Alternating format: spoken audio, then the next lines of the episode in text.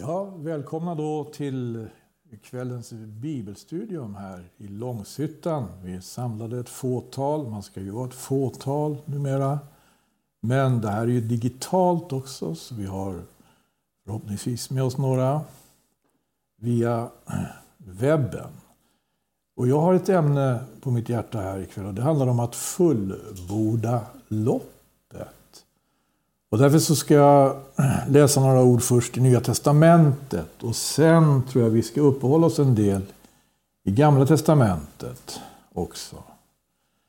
Men aposteln Paulus talar ju till de äldste i Efesus i Apostlagärningarnas 20 kapitel. Och säger bland annat på detta sätt. Dock anser jag mitt liv icke vara av något värde för mig själv. Om jag blott får väl fullborda mitt lopp och vad som hör till det ämbete jag har mottagit av Herren Jesus, att vittna om Guds nåds evangelium. Och han är inne på det här också i sitt andra brev till Timoteus. Där han skriver så här i fjärde kapitlets sjunde vers. Jag har kämpat den goda kampen. Jag har fullbordat mitt lopp. Jag har bevarat tron. Och jag tror att även aposteln Petrus är inne på, den, på samma tankegång. Då han skriver i sitt andra brev, i första kapitlet, tionde vers där. Vinnlägg er därför, mina bröder, så mycket mer om att göra er kallelse och utkorelse fast. Ty om ni det gör ska ni aldrig någonsin komma på fall. Ja, och det vi ska läsa i Gamla Testamentet det är ju faktiskt ett varnande exempel. Vi går till Konungaboken då. Och jag tror att det här exemplet kan vara lärorikt för oss. Det är Konungaboken och vi är framme i kapitel 11, 12, 13. Och det handlar om just den tid då riket delas. De tolv stammarna splittras efter konung Salomo. Konung Salomo hade en son som fick ärva konungatron och det var ju Rehabia. Men konung Salomo hade också skaffat sig ett antal eh, motståndare. Det var en slags den tidens terrorister som gjorde mycket, ställde till mycket skada för honom. Och de här motståndarna fick också rehabiam i arv. Och en av dem hette Jerobiam. Och med Jerobiam var det så, det heter så här i Första Konungabokens elfte kapitel, att han var en av Salomos tjänare, står det där i vers 26. Han var son till Nebat, en Ifraimit från Sereda. Och hans mor hette Seruga och var änka. Och han reste sig upp mot konungen. Och Orsaken varför han reste sig upp mot konungen var följande. Salomo byggde då på Millo. Han ville befästa det blottade stället på sin fader Davids stad. Nu var Jerobiam en dugande man.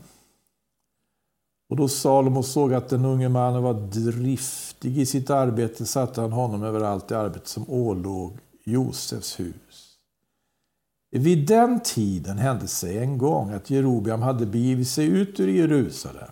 Då kom profeten Ahia från Silo emot honom på vägen där han gick klädd i en ny mantel.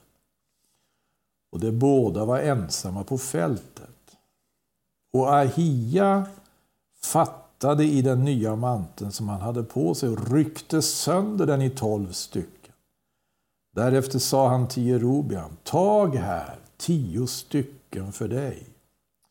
Ty så säger Herren Israels Gud, se, jag vill rycka riket ur Salomos hand och ge tio av stammarna åt dig. Den ena stammen ska han få behålla för min tjänare Davids skull och för Jerusalems skull, den stad som jag har utvalt ur alla Israels stammar. Så ska ske, därför att det har övergivit mig och tillbett Astarte, Sidoniernas gudinna och Kemos, Moabs gud och Milkom, Ammons barns gud och icke vandrat på mina vägar och icke gjort vad rätt är i mina ögon efter mina stadgar och rätter så som hans fader David gjorde. Dock ska jag icke ta ifrån honom själv det samlade riket, utan jag vill låta honom förbli furste så länge han lever, för min tjänare Davids skull, som jag utvalde, därför att han höll mina bud och stadgar. Men från hans son ska jag ta konungadömet och ge det åt dig, nämligen de tio stammarna. En stam ska jag ge åt hans son, så att min tjänare David alltid har en lampa inför mitt ansikte i Jerusalem. Den stad som jag har utvalt åt mig till att där fästa mitt namn. Dig vill jag alltså ta och vill låta dig regera över allt vad dig lyster. Du ska bli konung över Israel. Om du nu hörsammar allt vad jag har bjuder dig och vandrar på mina vägar och gör vad rätt är i mina ögon så att du håller mina stadgar och bud så som min tjänare David gjorde, så ska jag vara med dig bygga åt dig ett hus som blir beståndande. Så som jag byggde ett hus åt David och jag ska ge Israel åt dig. Ja, för den sakens skull ska jag ödmjuka Davids säd, dock icke för alltid. Jag läser hela profeten Ahias budskap här. Hans budskap till Jerobeam, Salomos tjänare, som hade satt sig upp mot Salomo. För det är ett mäktigt budskap. Och Det här är faktiskt upphovet till en historisk gåta. Det är ju de tio stammarna i Israel. Vart försvann de? Det är något av ett mysterium. Men eh, vi kan läsa i Bibeln så långt vi kan följa de tio stammarna så blev det alltså så att de kom att bilda ett eget konungarike då först under denne Jerobiam, Jerobiam den förste. Och eh, det innebar alltså, strax efter att han hade fått höra det här budskapet, som han borde ha lyssnat noga till, han borde ha lyssnat noga till det här budskapet. Jerobeams tragedi var ju att han lyssnade inte noga till det här budskapet. Han lyssnade inte alls till det här. Han, han möjligen tog intryck av att det handlade om att han skulle få makt.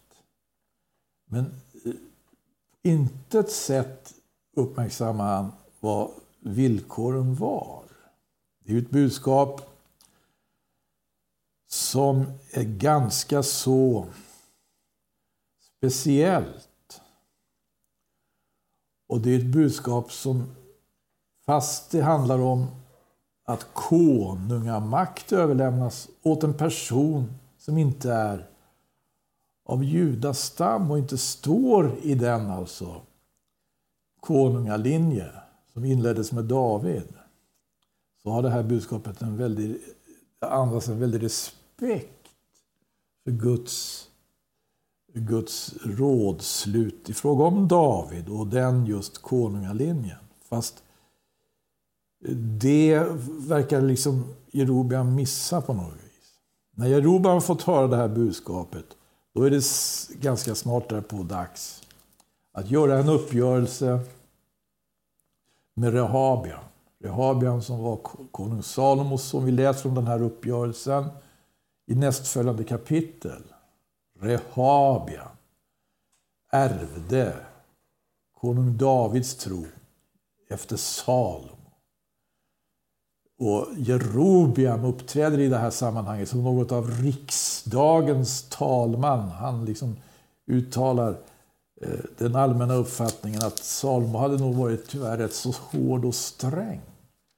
Och det finns en önskan då om att, så att säga, att Rehabiam, hans son, ska vara mildare i sin maktutövning.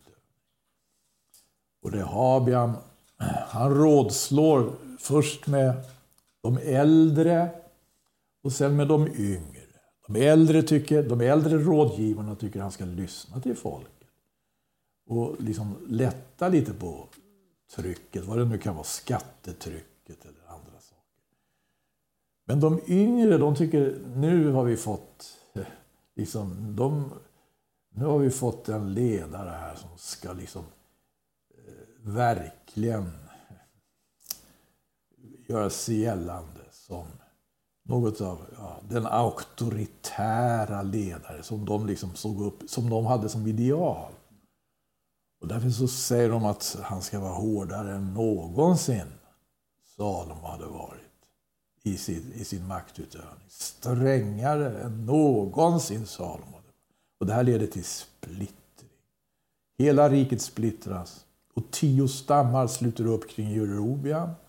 Och så säger de, vad har vi med er till Rehabia.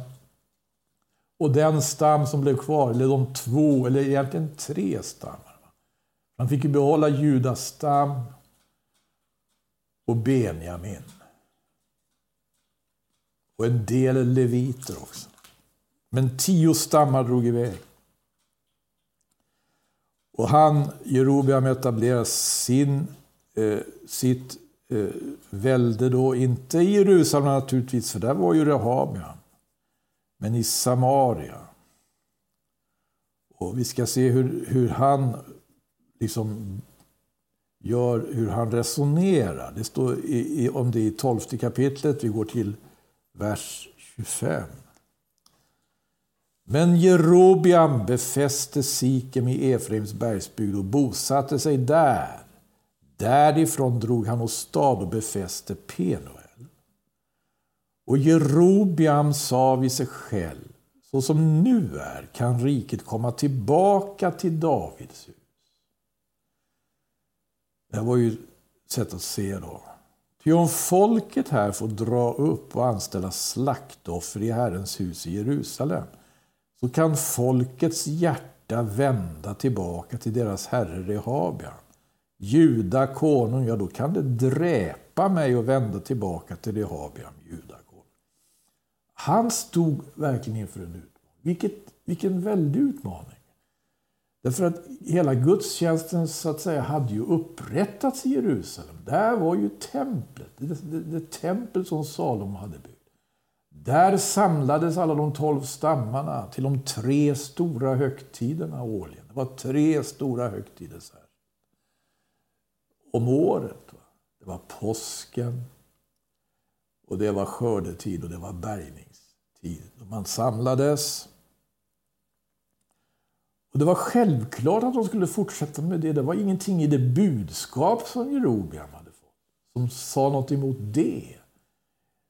Att, liksom, att gudstjänsten skulle flytta var aldrig tal. Det var frågan om konungamakten. Och om vi ska säga med, med, med vårt politi med, med dagens bok, den politiska makten. Den politiska makten delades. Det var aldrig frågan om att alltså, gudstjänsten som hade upprättats i Israel skulle på något sätt splittras. Men det här menade nu Jerobia. Vi ska läsa vidare hur han resonerar.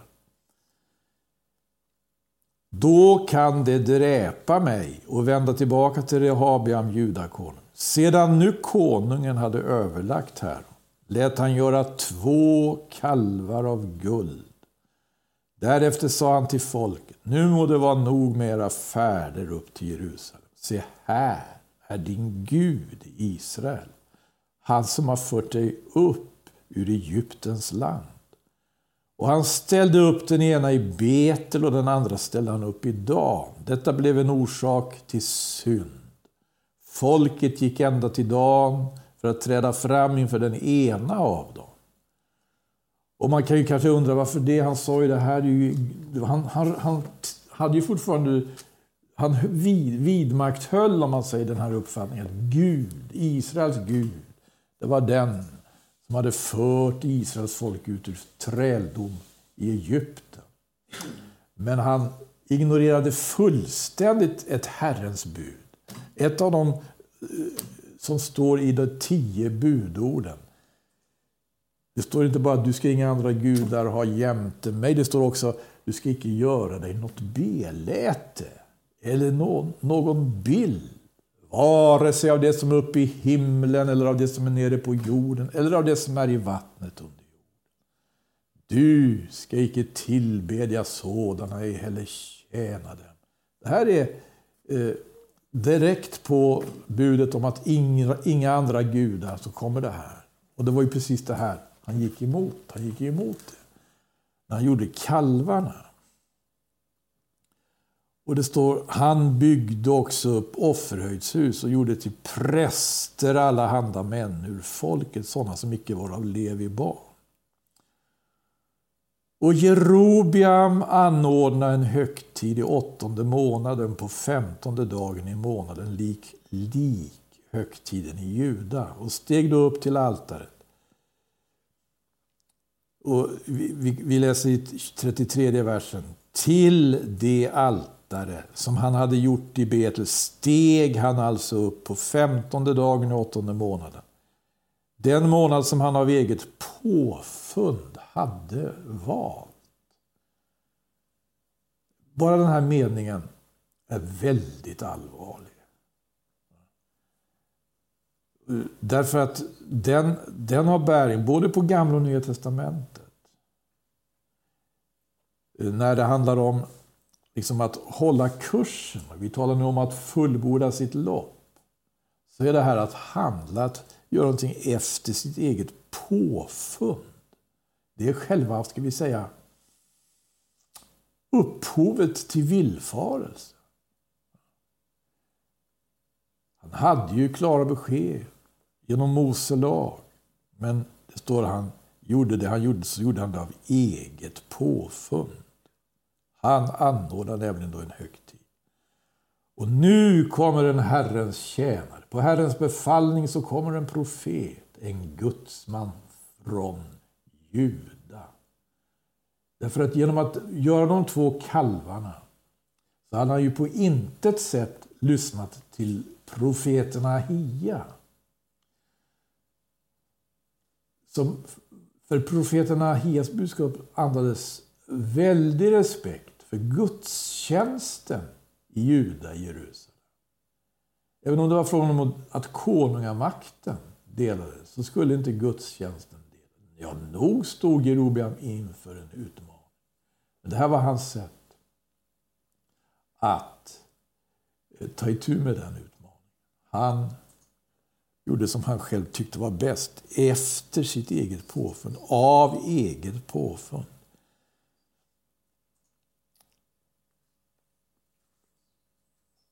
Men då, står det vidare här, det första versen i trettonde kapitlet. Då kom på Herrens befallning en gudsman från Juda till Betel.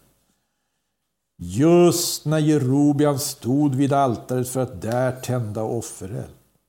Och mannen ropade mot altaret på Herrens befallning och sa Altare, altare, så säger Herren. Se, åt Davids hus ska födas en son vid namn Josia. Han ska på dig slakta offerhöjdsprästerna som antända offereld på dig och människoben ska man då bränna upp på dig.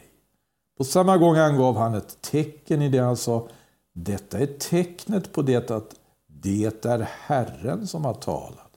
Se, altaret ska rämna och askan därpå ska spillas ut. När konung Jerobiam hörde dessa ord som gudsmannen ropade mot altaret i Betel räckte han ut sin hand från altaret och sa grip honom. Men handen som han hade räckt ut mot honom förvissnade och han kunde inte dra den tillbaka till sig igen. Och altaret rämnade och askan på altaret spilldes ut. Det var det tecken som gudsmannen på Herrens befallning hade angivit. Så det här kommer ett mäktigt budskap. Den här gudsmannen han uppträder ju mellan två andra profeter. Två profeter som jag, om jag förstår av allt att döma, så det var verkligen vittnen som fullbordade sitt lopp. Den ena var Ahia som vi läser om, som vi läste om i kapitel 11. Den andra Elia som vi kommer att läsa om. Vi läser vidare här i det 17 kapitlet. Två profeter som var vittnen som fullbordade sitt lopp. Och den här gudsman skulle ju också kunna vara det. Om det inte fanns en svaghet hos honom. Och Vi ska titta lite mer på det. Därför ska vi läsa nu vidare här i det trettonde kapitlet. Hur det gick för honom. När konungen räckte ut sin hand och befallde grip honom. Så förvissnade han. Sån kraft var det i det här budskapet. Och tecknet som han hade angivit. Det, det kom också att äga rum. Altaret rämnade och askan på altaret spilldes ut. Då står det i sjätte versen. Då tog konungen till orda och sa till gudsmannen. Bön, fall inför Herren din Gud och bed för mig att, han må, att, jag må, att jag ska kunna dra min hand tillbaka till mig igen. Och gudsmannen bönföll inför Herren och konungen kunde då dra, dra sin hand tillbaka till sig igen och den var likadan som förut. Den här gudsmannen är ett vittne. Han liknar ju Jesus, vet du. Jesus som botade den förvissnade handen. Men det var ingen konungs hand. Det var en vanlig eh, Israel som befann sig i synagogan. Jesus botade honom. På liknande sätt som den här konungen blev botad. Kun, Gudsmannen bönföll inför Herren och konungen kunde då dra sin hand tillbaka till sig igen och den var likadan som förut. Då talade konungen till gudsmannen, kom hem med mig och vederkvick dig. Sen vill jag ge dig en gåva. Men gudsmannen svarade konungen, om du än vill ge mig hälften av vad som finns i ditt hus, så kommer jag dock icke med dig. Här på orten vill jag varken äta eller dricka. Ty så har Herren genom sitt ord bjudit mig och sagt. Du ska varken äta eller dricka och ej heller vända tillbaka samma väg du har gått dit. Du förstår vilket uppdrag. Han hade en kallelse, han hade ett uppdrag. Och det här, här finns en väldig avskildhet. Så har Herren genom sitt ord bjudit mig och sagt du ska varken äta eller dricka och ej heller vända tillbaka samma väg du har gått dit. Vad skulle han göra för någonting? Skulle han bara bege sig någonstans och vare sig äta eller dricka och så se till att han tog sig tillbaka en annan väg än han kom dit? Det var inte bara det, han skulle bära fram ett budskap. Vi har läst om vilket budskap. Ett budskap som i sin tid skulle gå i fullbordan. Och ett budskap som omgående visade sig äga en väldig kraft. Därefter gick han sina färder en annan väg och vände icke tillbaka samma väg han hade kommit till Betel. Men, vi läser vidare.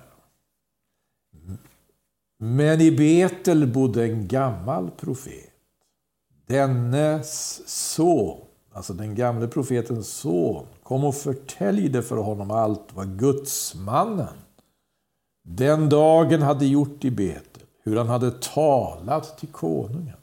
När de hade förtällt detta för sin far frågade deras far dem vilken väg han hade gått. Och hans söner visste vilken väg gudsmannen som kom från Juda hade gått. Det var riktiga spejare det. Då sa han till sina söner, sadla åsnan åt mig. När de då hade sadlat åsnan åt honom satte han sig på den och begav sig och stad efter gudsmannen och fann honom sittande under terebinten.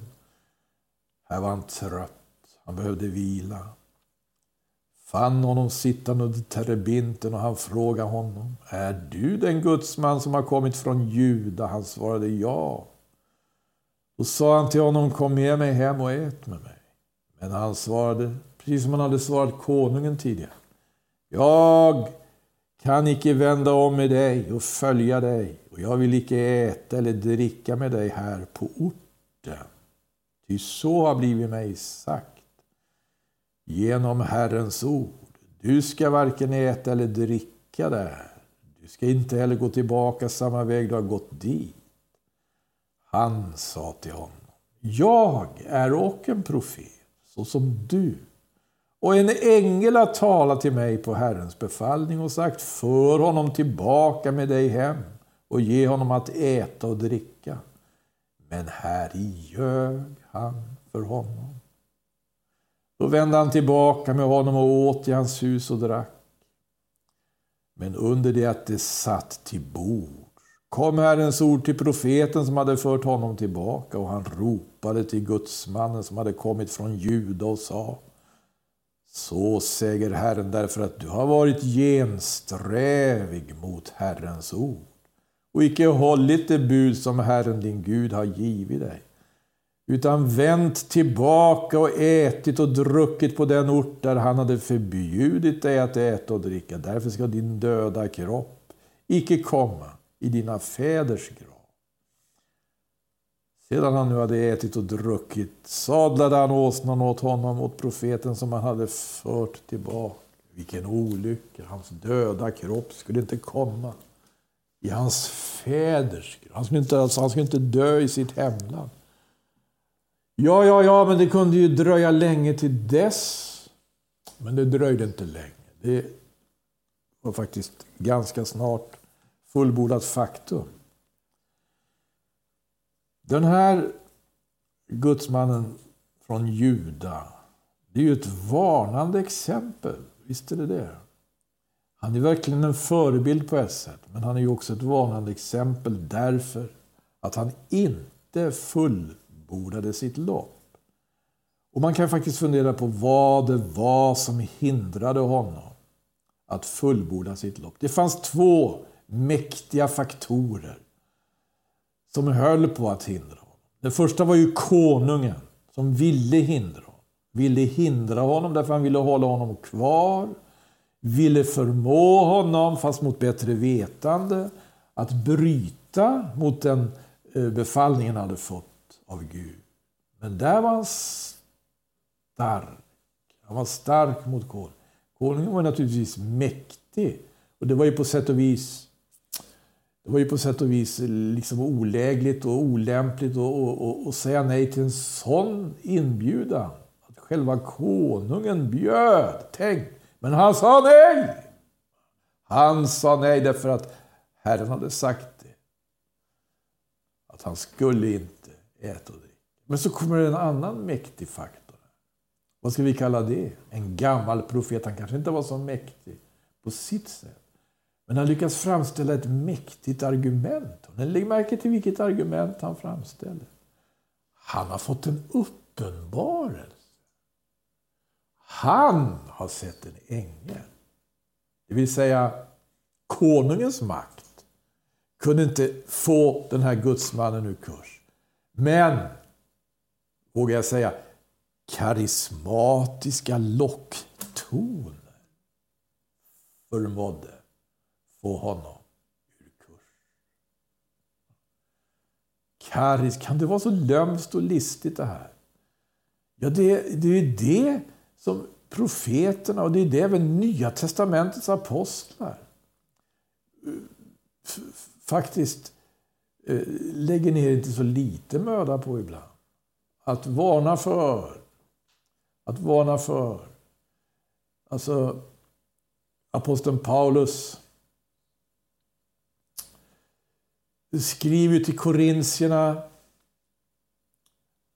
Aposteln Petrus skriver till kristna församlingar i Galatien, Pontus, Kappadokien och provinsen Asien och varnar.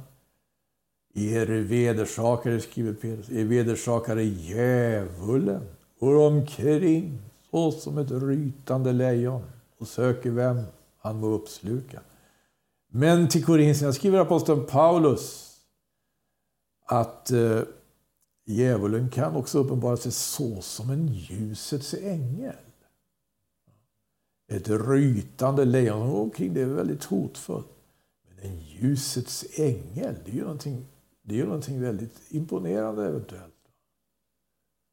Och det kanske tilltalar. Det var det här argumentet som gudsmannen föll på. Och därför är det så allvarligt det här att vi ska pröva allt. Eller hur? Pröva allt. När det kommer till sådana saker som profetia, inte minst. Vi kan väl läsa det i, i första Thessalonikerbrevet.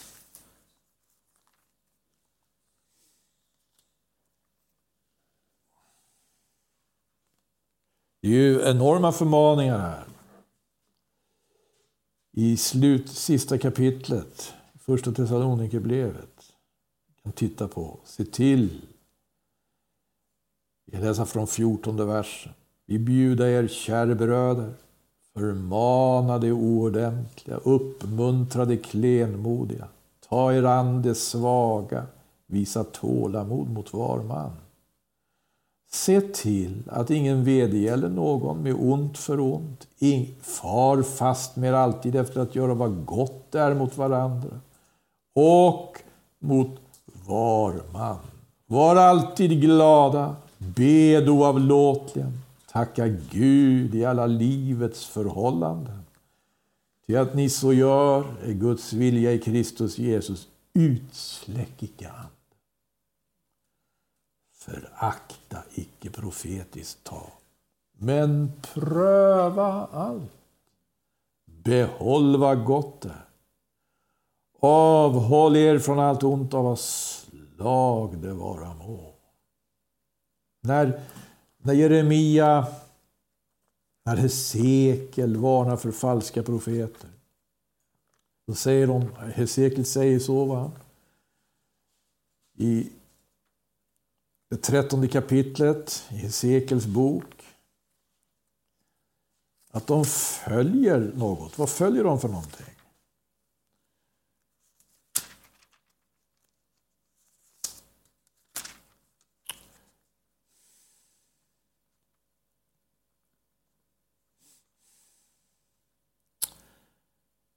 En genomgång här hörni, i trettonde kapitlet, jag kan läsa bara vers 3 där. Så säger Herren, Herren, ve er, ni dåraktiga profeter, som följer er egen ande och syner som ni icke har sett.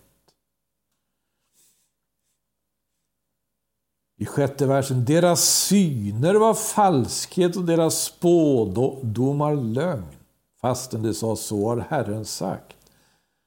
Herren hade ju icke sänt dem, men de hoppades att deras tal ändå skulle gå i fullbord. Här illustreras ju av den gamle profeten som snärjer. Gudsmannen från Juda. Och det som är själva liksom grundbulten i det här det är ju det att eh, genom, genom att han kommer med de här karismatiska locktonerna så avvänder han gudsmannen från den, från, från den väg han gick och skulle gå.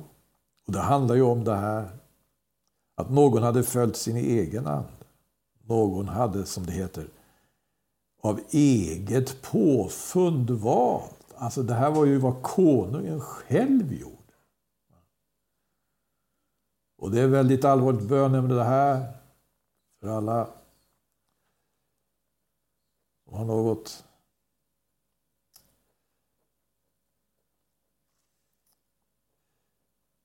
som har fått ett... Att vi ska kunna skilja mellan vår egen ande och Guds ande.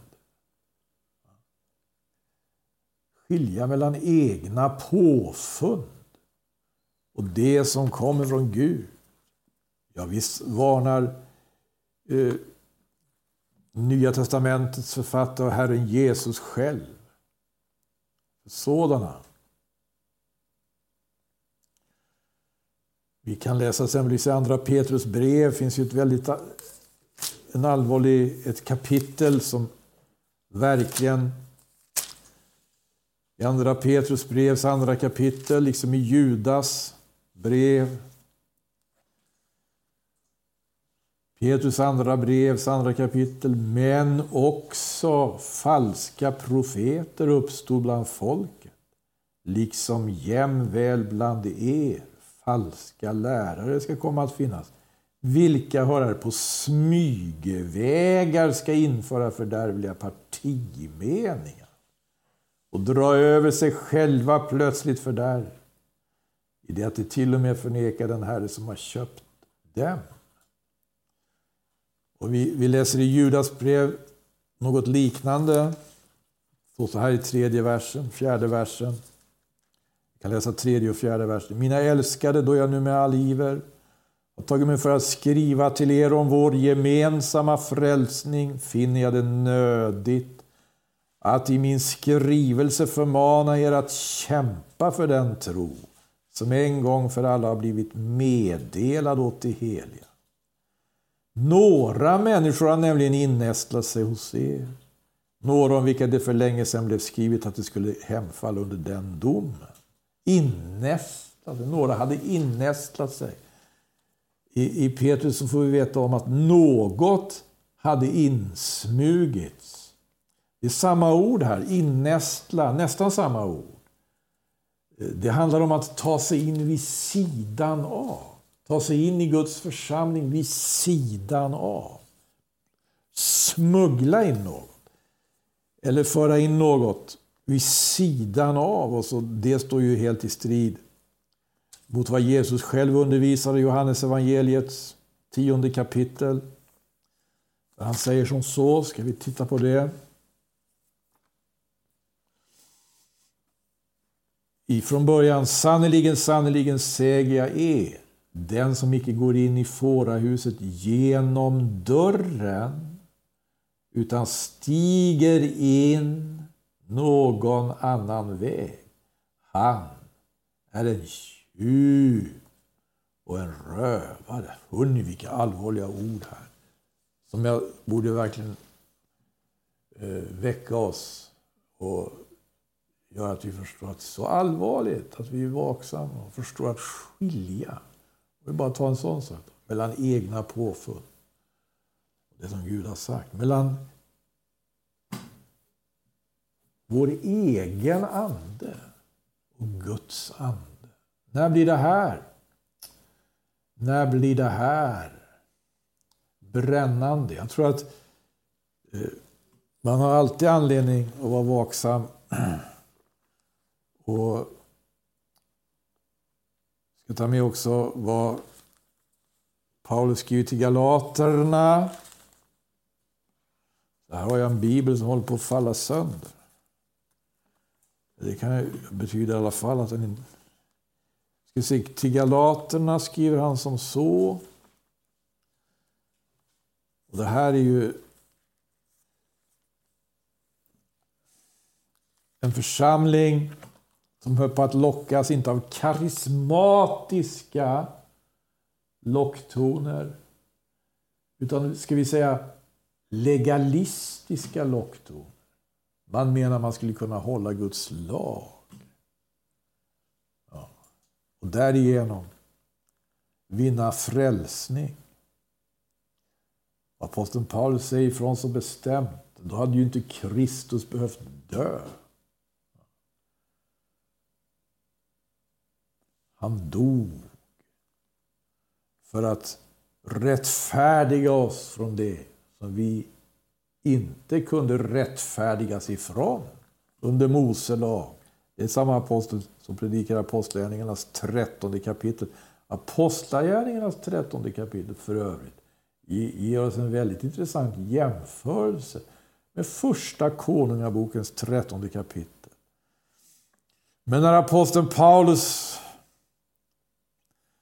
förmanar galaterna undervisar dem så måste han eh, med sorg eh, konstatera i fjärde kapitlet, 16 vers. Så har jag då blivit er ovän därigenom att jag säger er sanningen. Det är alltså inte så att det är inte alltid populärt. Gudsmannen från Juda i Första Konungaboken. han uppträdde mellan två andra profeter. Var och en av dem, som jag förstår, de fullbordar sitt lag. Ahia från Silo. Vad betyder det att han var från Silo? Det betyder att han knöt an till den andliga traditionen, andliga eh, traditionen i Israel före David. Därför Guds ark stod i Silo under lång tid. Men också Elia som uppträdde senare. Elia från Tispe. Tisbiten Elia. Det vill säga, han var helt fri på den punkten. I, tradition, i traditionell traditionssynpunkt om man säger så. Han kom från Tispe. Det var på gränsen till att han inte ens var jude. Förmodligen hade han en judisk mor kanske. Men en, jag vet inte. En far som var av någon annan nationalitet. Men det var inte det avgörande. Det avgörande var att han hörde Guds röst. Och han fullbordade sitt lopp. Pris för Gud. Och nog är det hörni, en bön. Ett bönämne av vikt. Att vi ska kunna, full, att vi ska kunna göra det. Gud var evigt lov. Tack för ditt ord, Herre. Gud välsigne var och en som hör. I Jesu namn. Amen.